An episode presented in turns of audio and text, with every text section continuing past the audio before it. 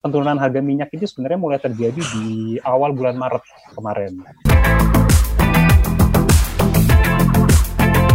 Assalamualaikum Sobat Bareksa, kembali lagi di Bareksa Podcast dengan gue Alessia Jawira.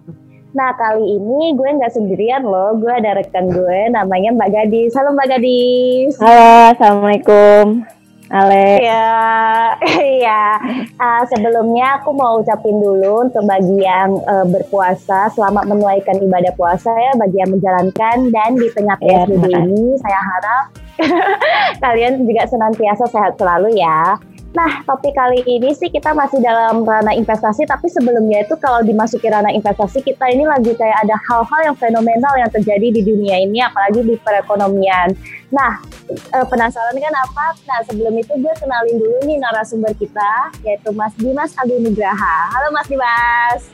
Halo, apa kabar? Iya, Baik Mas, oke. Jadi Mas Dimas ini adalah investment specialist di Manulife Asset Management, eh, Asset Management, salah satu aset manajemen terbesar di Indonesia. Nah, topik kali ini sih kita mau berbicara tentang uh, minyak bumi, harga minyak bumi yang turun atau anjlok. Nah, di tengah minyak bumi anjlok ini, bagaimana sih dengan investasi? Nah, langsung saja ya tanpa membuang waktu ya. Yap. Oke, Mas Dimas, Mas Dimas, uh, udah siap belum kalau misalnya aku tanyain pertanyaan seputar apa sih yang terjadi di dalam perekonomian di sini? Apalagi uh, sekarang kan tadi udah aku bicarain soal minyak. Nah, udah siap kan, Mas? Oke, siap. Oke, sip. Oke deh, Mas uh, kan kita tahu nih bahwa kayak harga permulaan nih kayak harga uh, kapan sih kayak harga minyak dunia ini anjlok gitu dan kayak uh, kenapa sih kayak bisa anjlok gitu mas? Hmm.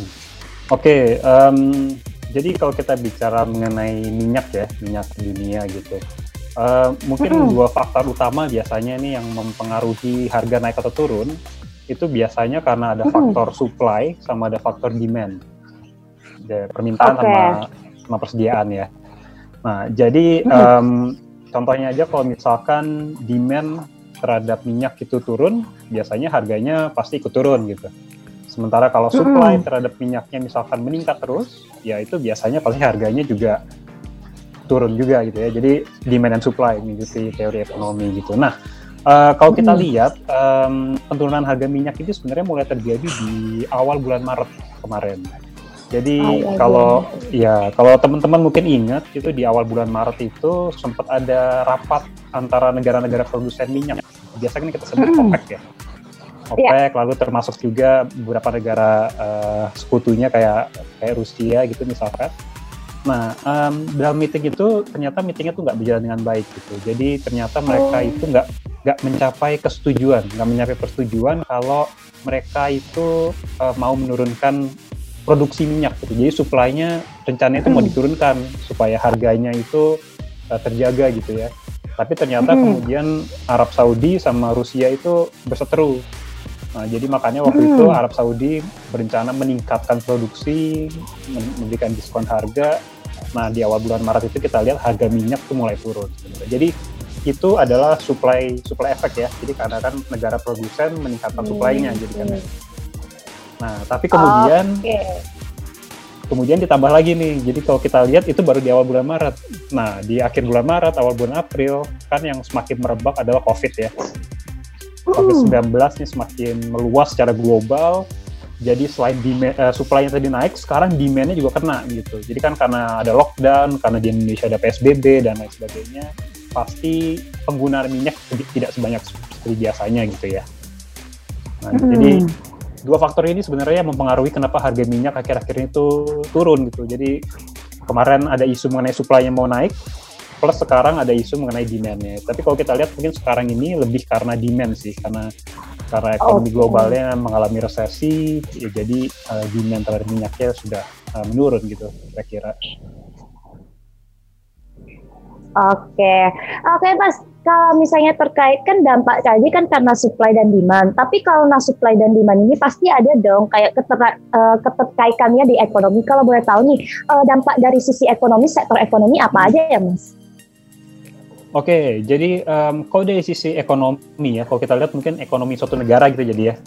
Um, hmm. Ini sebenarnya tergantung. Jadi karena semua negara itu kan nggak sama ya Jadi ada negara hmm. yang misalnya mereka itu produsen minyak atau eksportir minyak gitu. Kayak contoh tadi Arab okay. Saudi, Rusia gitu. Hmm. Nah, tapi kemudian ada juga negara-negara yang importir minyak. Mereka nggak nggak punya okay. ladang minyak sendiri, jadi mereka harus import minyak kan untuk kebutuhan BBM dan lain sebagainya dalam negeri gitu. Nah, hmm. um, negara kayak misalkan kayak Indonesia, kemudian kayak di Taiwan, di Korea, di Jepang itu adalah negara-negara importir minyak. Gitu. Nah, dalam kondisi harga minyak lagi rendah seperti saat ini, produsen minyak pasti akan lebih dirugikan ya dibandingkan dengan negara yang okay. import. Karena import itu kan berarti kan konsumen. Kayak misalkan kalau di Indonesia gitu, kalau harga minyak rendah ya harusnya mungkin harga BBM ikut turun gitu ya. Jadi hmm. kalau secara ekonomi sebenarnya negara importir minyak kayak Indonesia, negara-negara Asia pada umumnya itu diuntungkan justru karena sebagai konsumen negaranya dan kitanya juga sebagai konsumen harusnya juga menikmati harga BBM yang rendah, harga minyak yang rendah gitu ya. Tapi ya hmm. sebaliknya itu dia mungkin negara-negara yang produsen yang sangat bergantung ekonominya sangat bergantung pada minyak gitu ya. Kayak Saudi Arabia gitu pasti akan ketar-ketir sih saat ini gitu. Mungkin kita lihat juga kan beberapa tahun lalu kan sempat Venezuela ya kalau hmm. ingat mengalami resesi karena harga minyaknya rendah gitu. Jadi negara-negara produsen minyak mungkin saat ini yang mengalami um, kesulitan sih terutama gitu. Jadi memang kalau di ekonomi ya menurut kita sebenarnya idealnya harga minyak itu ya nggak kerendahan tapi nggak juga ketinggian gitu. Jadi kalau oh, kerendahan akan di tengah-tengah lah ya. Iya benar. Jadi kayak sama aja lah kayak kalau kalau di apa kalau di kita di Indonesia kayak ojol tarif ojol gitu ya. Mm. kalau tarif ojol terlalu rendah, kesian driver sama perusahaan iya, ojol kan. Tapi kalau ah, ah bener, terlalu tinggi, yang naik ojol juga kasihan juga gitu. Jadi ada ah, harga yang di tengah-tengah gitu ya. Harga yang di tengah gitu lah ya. Oke, okay. iya. Mbak Gadis. Oke Mbak Gadis. Nah kali ini Mas ya, aku persilain Mbak Gadis ya untuk uh, lontarin pertanyaan-pertanyaan ya Mbak Gadis. Halo. Aduh, maaf maaf. Uh, Mas Dimas, aku mau ya. tanya nih. Aku mau tanya. aku mau tanya nih Mas Dimas. Sepengamatan, eh, sepengamatan saya di seluruh dunia bahkan di Singapura sendiri itu harga BBM sudah turun. Lantas mengapa di Indonesia harga BBM eh, saat ini belum turun juga? Oke, okay. um, kalau kita bicara harga BBM di Indonesia tuh memang agak complicated ya. Jadi nggak ya. nggak nggak straightforward nih nggak nggak harga minyak turun lalu kita langsung turun dan sebaliknya gitu.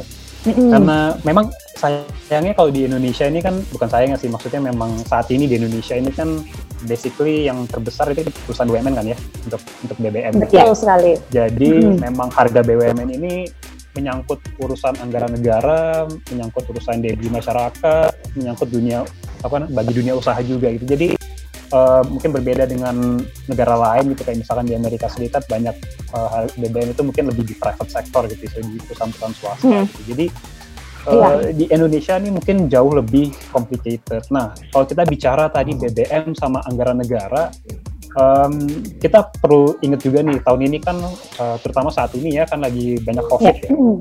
Hmm yeah. COVID ekonomi lagi nggak bagus ya. Nah uh, dan baru-baru ini pemerintah tuh mengeluarkan stimulus cukup besar ya teman-teman. Jadi mm.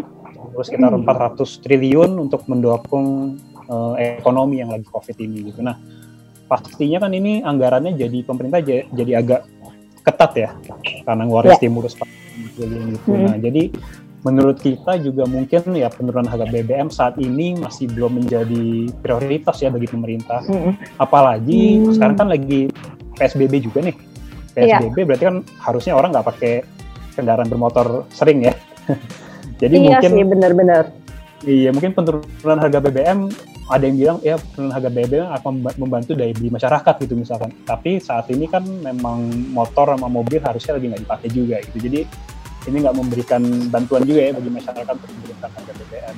Justru mungkin bantuannya yang lebih diperlukan lebih kepada itu ya, yang ekonomis secara langsung itu, itu bantuan secara langsung melalui sembako, hmm. lalu insentif pajak dan lain sebagainya. Jadi mungkin saat ini saya saya juga kurang tahu ya, tapi saat ini mungkin prioritas dari pemerintah adalah ya bukan dari sisi BBM itu ya untuk ini kan menyangkut sama anggaran juga gitu ya.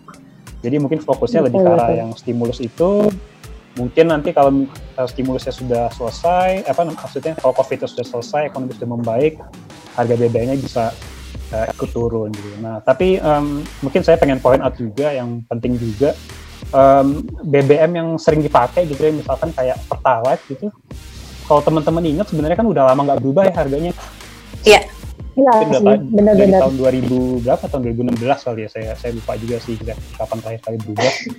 Um, jadi uh, harga ini nggak berubah, padahal sebenarnya harga minyak itu naik turun kalau kita lihat beberapa tahun ke belakang. Kayak di tahun 2018 misalnya, harga minyak itu sempat ke level 80 dolar. Ya. Walaupun sekarang yang kita tahu udah turun ke level sekitar 20 dolaran gitu. Jadi um, tentunya ini kan juga pasti akan menggunakan anggaran pemerintah dan lain sebagainya. Jadi ya apa namanya uh, sangat kompleks sekali ya kalau kita bicara harga BBM di uh, di Indonesia itu. Kalau dari sisi investasi, apalagi kalau misalnya kita kayak membeli saham langsung nih, tam, uh, saham perusahaan, apakah itu dampaknya positif atau negatif?